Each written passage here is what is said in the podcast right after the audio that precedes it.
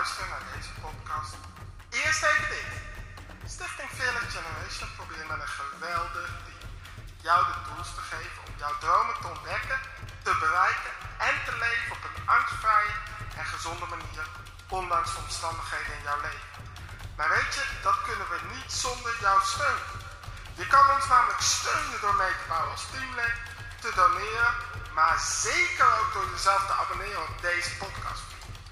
Check even uit onze website www.fearlessgeneration.nl als je wilt doneren of teamlid worden. Maar voor nu, abonneer jezelf nu meteen even op deze podcast. En uh, dan wil ik je van nu bedanken namens het hele team voor het abonneren. En uiteraard geniet van deze geweldige podcast.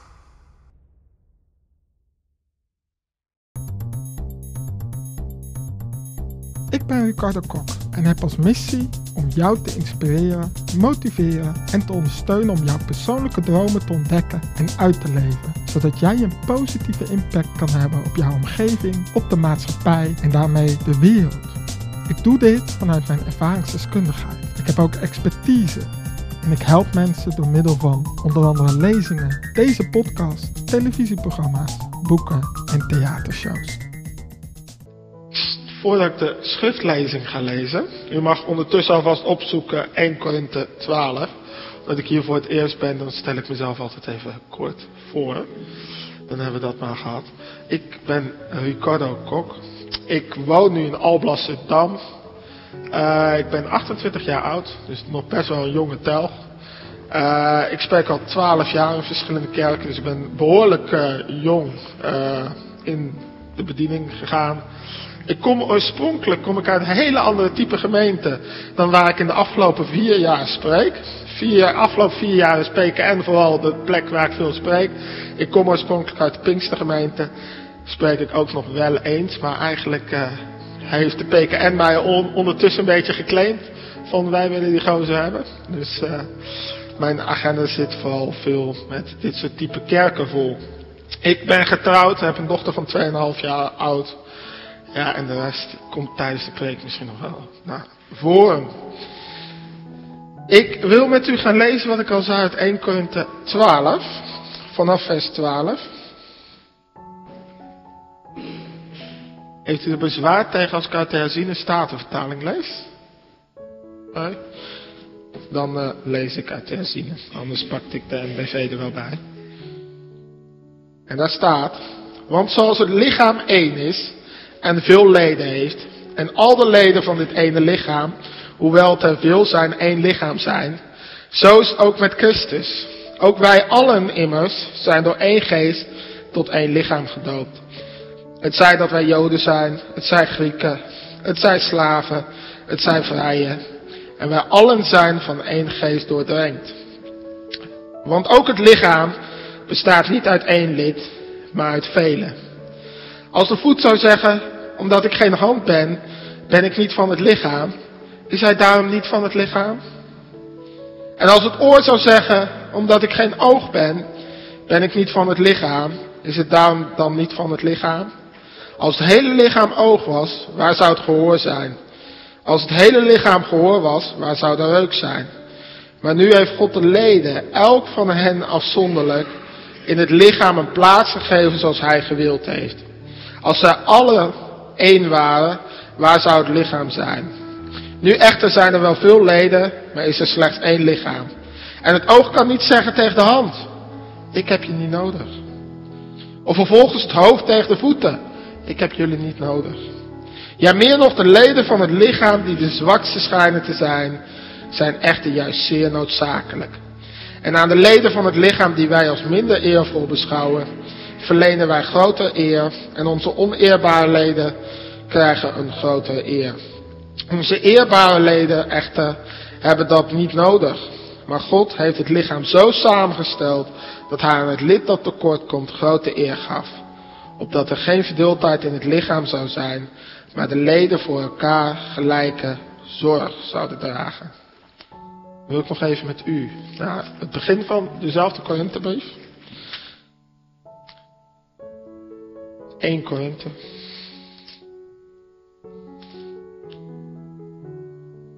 1 Korinthe 1 en dan vanaf vers 10.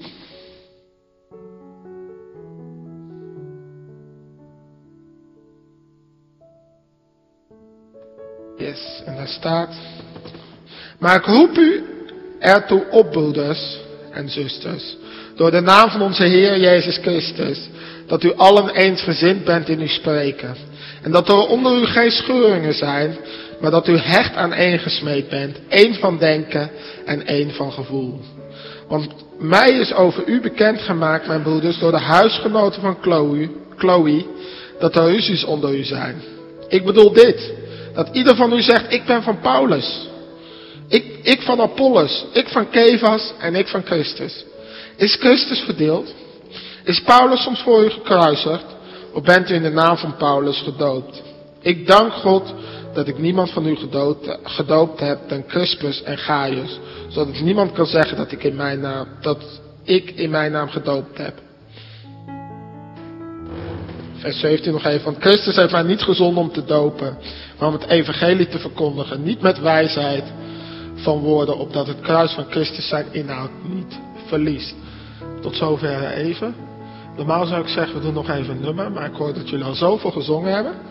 Dus ik wil de kinderen naar de kinderdienst laten gaan. Maar omdat we niet zingen, wil ik eigenlijk voorstellen, want ik hou wel van kinderen en ja, daar heb ik geleerd door mijn vrouw, om de kinderen een applaus te geven. Kunnen we dat? Dus laten we de kinderen applaus geven, dan mogen de kinderen naar de kinderdienst. Dus ik weet niet waar de juffrouw is. Daar is de juffrouw.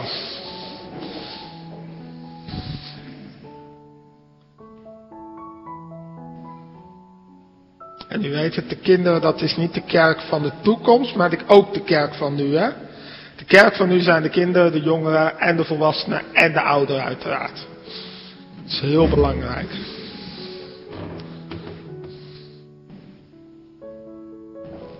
Nou, laten we nog één keer applausje geven.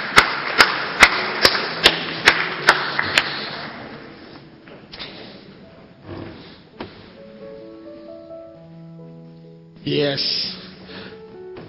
Mijn overdenking deze ochtend heeft als thema eenheid in verscheidenheid. Ik kom in best veel kerken. Ik heb namelijk geen vaste gemeente, ik ben meer een rondreizende predikant. En dan kom je dus in heel veel kerken. En ik ben ook in mijn leven heel veel denominaties geweest. En ik heb ontdekt dat het grootste probleem wat wij als kerk hebben, waardoor mensen eigenlijk afstoten op ons als kerk, is het feit dat wij niet één kunnen zijn. U ongetwijfeld wel. Dat snap ik, want ik ben in Baarland geweest. En als het net zo goed hier is als in Baarland, dan heeft u daar geen last van. Maar in de rest van Nederland hebben ze daar last van. Dus we vechten met elkaar de tent uit om de verschillen. Hebben we nou kinderdoop of niet? Hebben we nou volwassen doop? Hoe zit dit nou? Hoe zit dat? En niet eens een, een gesprek, maar we vechten met elkaar de tent uit. En in het stuk wat we net lazen, gaat het over de gemeente te Korinthe. En als ik naar de gemeente te Korinthe kijk, dan zie ik de Nederlandse kerk. Want als je naar de context even kijkt van die gemeente.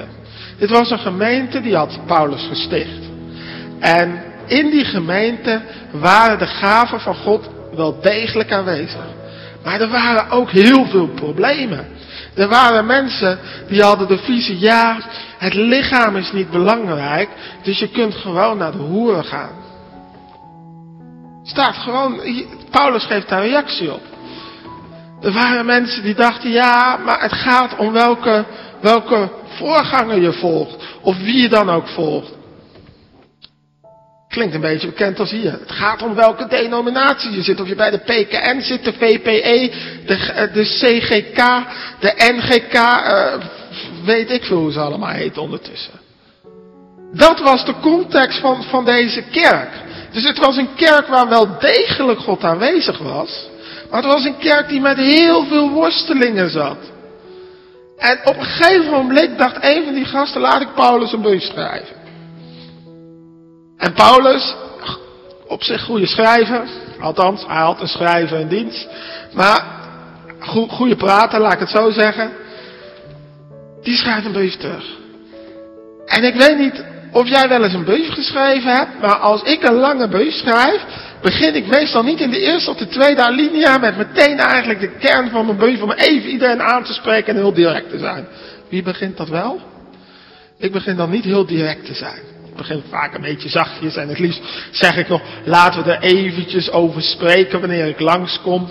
Context van Paulus of over bellen, appen, weet ik veel wat het nu is. Nou, Paulus begint meteen op en zegt, jongens, ik wil dat jullie eensgezind zijn. Maar wat is nu eensgezind zijn? Is eensgezind zijn samen in zo'n ruimte zitten? Nee, Paulus zegt hier ook heel duidelijk. Geen scheuringen, hecht aan één gesmeed. En je moet één van denken en van gevoel zijn. Oké, wacht even. Nu hebben we al een probleem. Drie Nederlanders, twee meningen. We hebben al een probleem als Nederlanders. Eén van denken en gevoel. Dat kunnen wij niet. Maar één van denken en gevoel zegt dit. Dit zegt dat we naar buiten uit één van denken en gevoel zijn.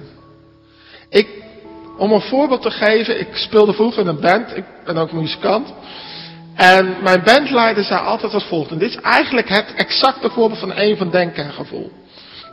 Die zei altijd, luister, we zijn één team. En als iemand naar je toe komt en die zegt, joh, jij zingt zo goed, beter dan die zanger van vorige week. Dat klinkt heel positief, toch? Leuk compliment, toch? Dat is natuurlijk gewoon je teamlid afvallen. Dan zeg je, vorige week zijn ze net zo goed, uh, of deze week zijn ze net zo goed als vorige week. Eigenlijk wat je daarmee zegt is, je staat voor elkaar. Zo vaak zie je christenen op straat andere kerkgenootschappen, andere christenen eigenlijk afvallen. U niet, nogmaals. Maar ik zie het wel en misschien kent u ze ook. Ja, nee, want die Pinksterchristenen, of nee, die Baptisten weer. En ook de katholieke kerk nu met dat gedoe wat geweest is. En nu weer. Ba, ba, ba, ba, ba, ba, ba. Maar één van denken en gevoel is uitstalen. We zijn één kerk. We staan voor. Wil dat zeggen dat je elkaar onderling niet mag aanspreken? Dat zeg ik niet. Maar in jouw gezin, ik tenminste, ik hoop niet dat jij je ouders, je, je, je, je kinderen, al publiek gaat lopen afvallen. Wie doet dat? U mag uw handen opsteken als u doet, ik veroordeel u niet. Nee, maar dat doen we niet. Maar de kerk is het huisgezin. Het huisgezin van God. De regels die in uw gezin gelden, mag u bijna overnemen op de kerk. Wij zijn niet een groepje mensen die een beetje samenkomen, want ja, dat vinden we leuk op zondagochtend. Wij zijn eigenlijk veroordeeld tot elkaar. Degene, kijk eens even links en rechts naast u. Ja, u mag even links en rechts naast u kijken. Ja, ik weet dat eng is, maar u mag even naar elkaar kijken. Even links en rechts. Kijk, die persoon die nu naast u zit, of u die persoon nou mag, heel aardig vindt, of misschien wat minder aardig vindt, of u hoe het went of keert, maar het is uw broer, het is uw zus, en u zult het daarmee moeten doen. U bent daar tot veroordeeld. En dit is alleen maar dit clubje. Maar zijn hier nog meer kerken in deze omgeving? Vast wel in, in. Hè? Vast wel nog een gereformeerde of zo. Of...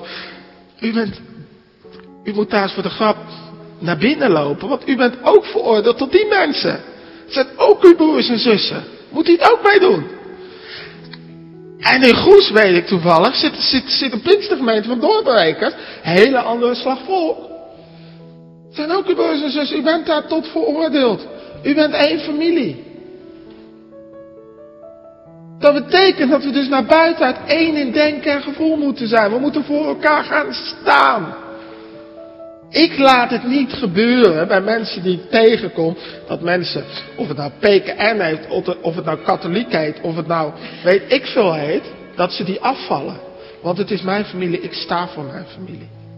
Dat is eigenlijk wat Paulus het over heeft. Op het moment dat je zo gaat denken, hoef je ook niet meer te gaan denken, ik ben van Paulus, ik ben van Apollos, ik ben van de PKN, ik ben van de GKV, ik ben van die, ik ben zus dagelijkse problemen in onze kerk vandaag waren daar aanwezig. En dat is het stukje naar buiten toe. Want dit heeft heel veel effect. Als we dit anders zouden gaan doen, heeft het heel veel effect op de bevolking hier. Alleen al van Schravenpolder. Laten we deze gemeente even nemen. Maar ook op de bevolking van Nederland en wereldwijd. Hoe kun je zeggen dat je liefde hebt als je elkaar niet eens lief kunt hebben? Daarom is dit de kern Dit is de kern waarom er nog lege plekken zijn hier in de kerk. Mensen willen wel, mensen zijn hongerig. Mensen die willen heel graag. De spirituele beurzen puilen uit van mensen die naar zingeving en al dat soort dingen zoeken. Dus de nood naar God is hoog. De oogst is groot. Zoals Jezus dat zo mooi zegt. Maar wij overtuigen ze niet met woorden. Maar met, Paulus zegt het koninkrijk van God bestaat niet uit woorden, maar uit kracht. En als het gaat om kracht, heb ik niet alleen over daden, maar over de dingen die je laat zien. Daar zit kracht in. De liefde die wij met elkaar kunnen laten zien. That's power. Dat is kracht. Dus dat is het stukje naar buiten uit. En we lazen net in 1 Korinthe 12, lazen we over dat Paulus het heeft, we zijn een lichaam met veel leden. Eigenlijk komt dat familiestructuur weer terug. En dan zijn er in het lichaam zijn er eigenlijk drie typen mensen. Het ene type mens, die ga ik niet heel erg diep behandelen, maar het zijn de mensen die voelen zich gewaardeerd, die, voelen, die weten ook dat anderen gewaardeerd zijn, voelen zichzelf een ander onderdeel van het lichaam. God wil iedereen daar hebben. Maar we hebben nog twee type mensen in het lichaam. En daar spreekt Paulus heel specifiek over. En ik weet dat deze ochtend zijn hier ongetwijfeld ook mensen van dat kaliber. En dat is geen veroordeling, want ik wil je krijgen naar het stukje dat je jezelf gewaardeerd voelt. En ook anderen kunt waarderen op de waarde waar ze zijn. En niet jezelf onderwaardeert of de ander onderwaardeert. En dan lezen we, ik pak de teksten wel wel even bij. Een stukje naar voren. Paulus op een gegeven moment zegt hij in vers 15.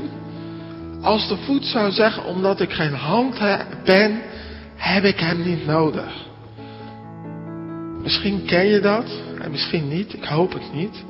Maar dat je denkt, ja, als ik geen dominee ben, ben ik dan wel zo nodig?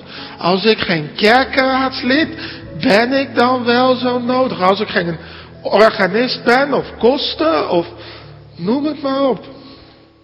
Dat je denkt, ben ik eigenlijk wel nodig in de protestantse gemeente in Schavelpolder?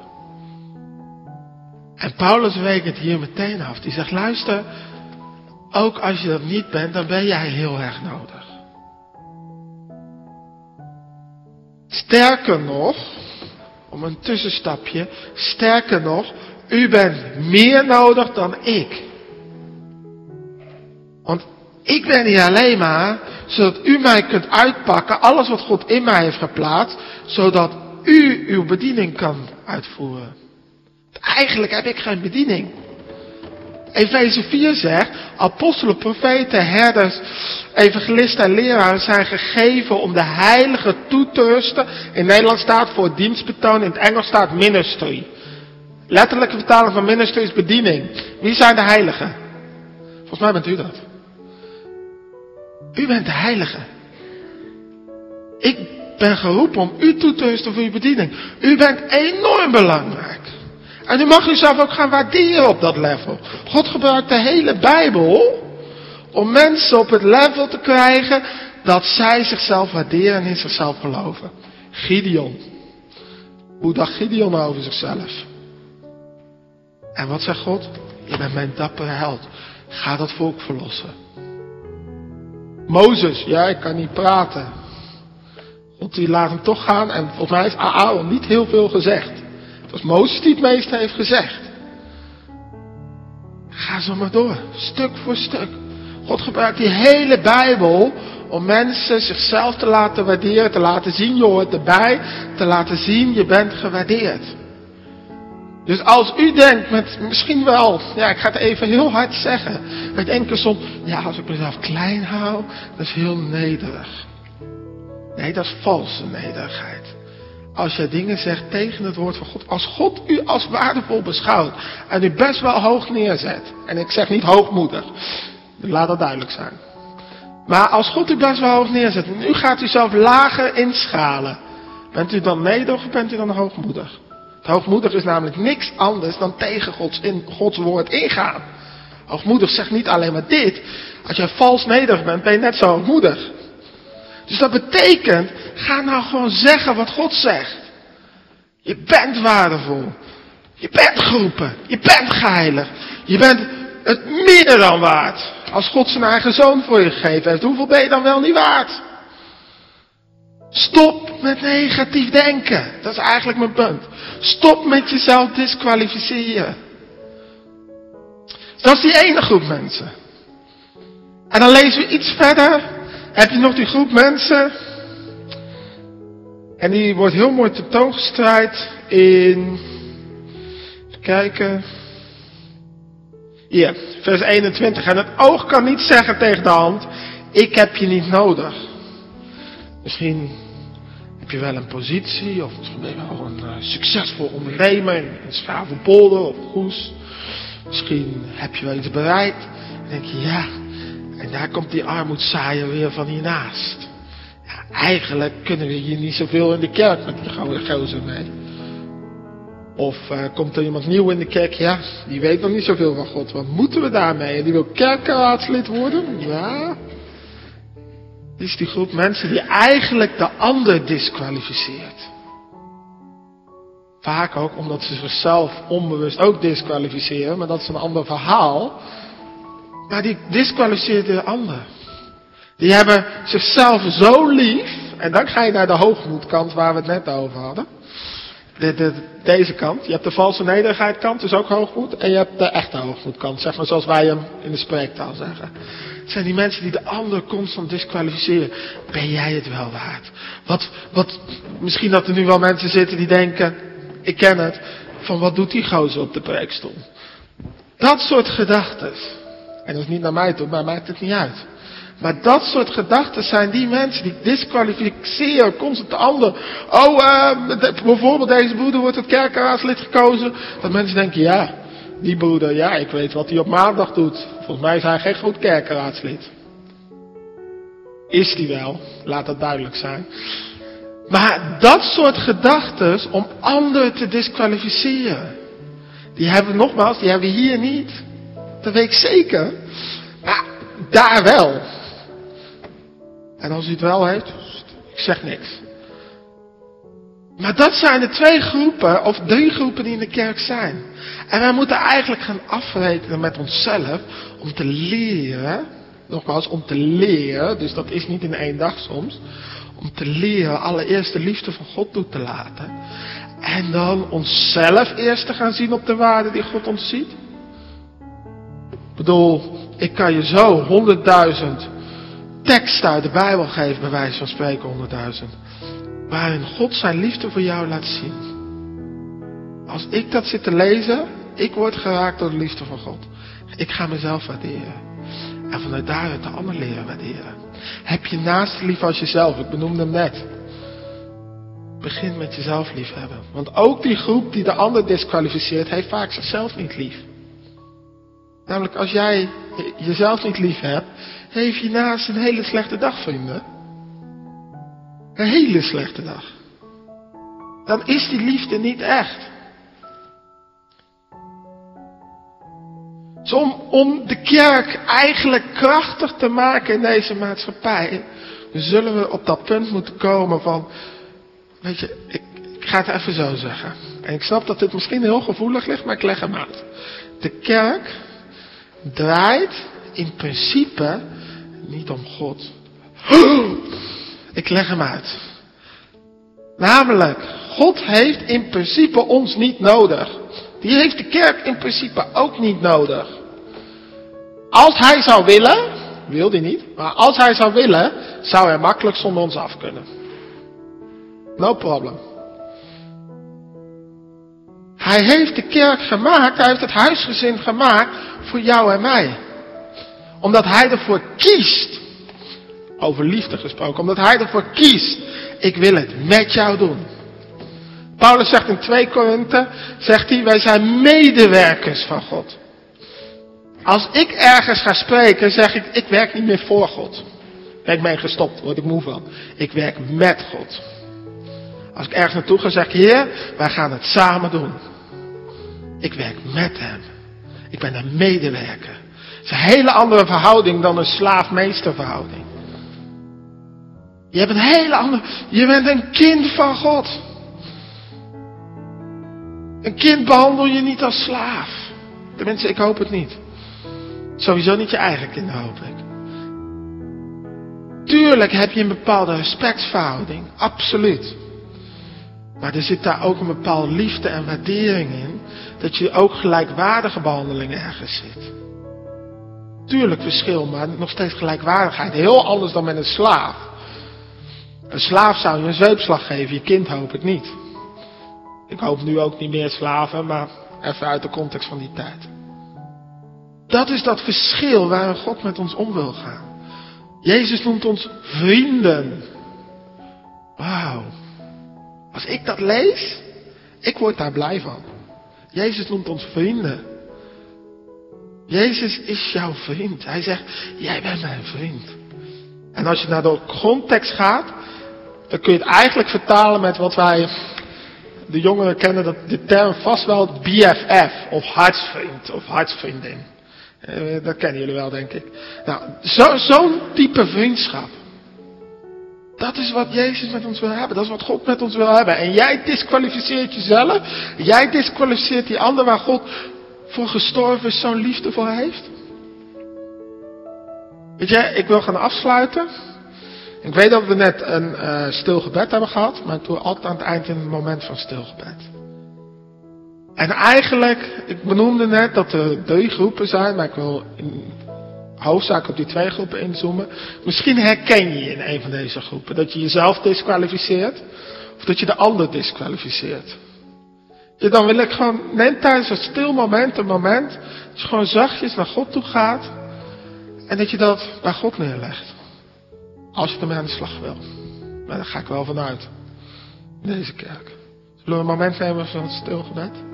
Deze podcast is geproduceerd door Fearless Generation. We hebben geprobeerd om alle rechthebbenden te benoemen in deze aflevering. Wil je meer content zien, lezen of horen? Of wil je contact opnemen? Dat kan via fearlessgeneration.nl. Dat is fearlessgeneration.nl. Ayu.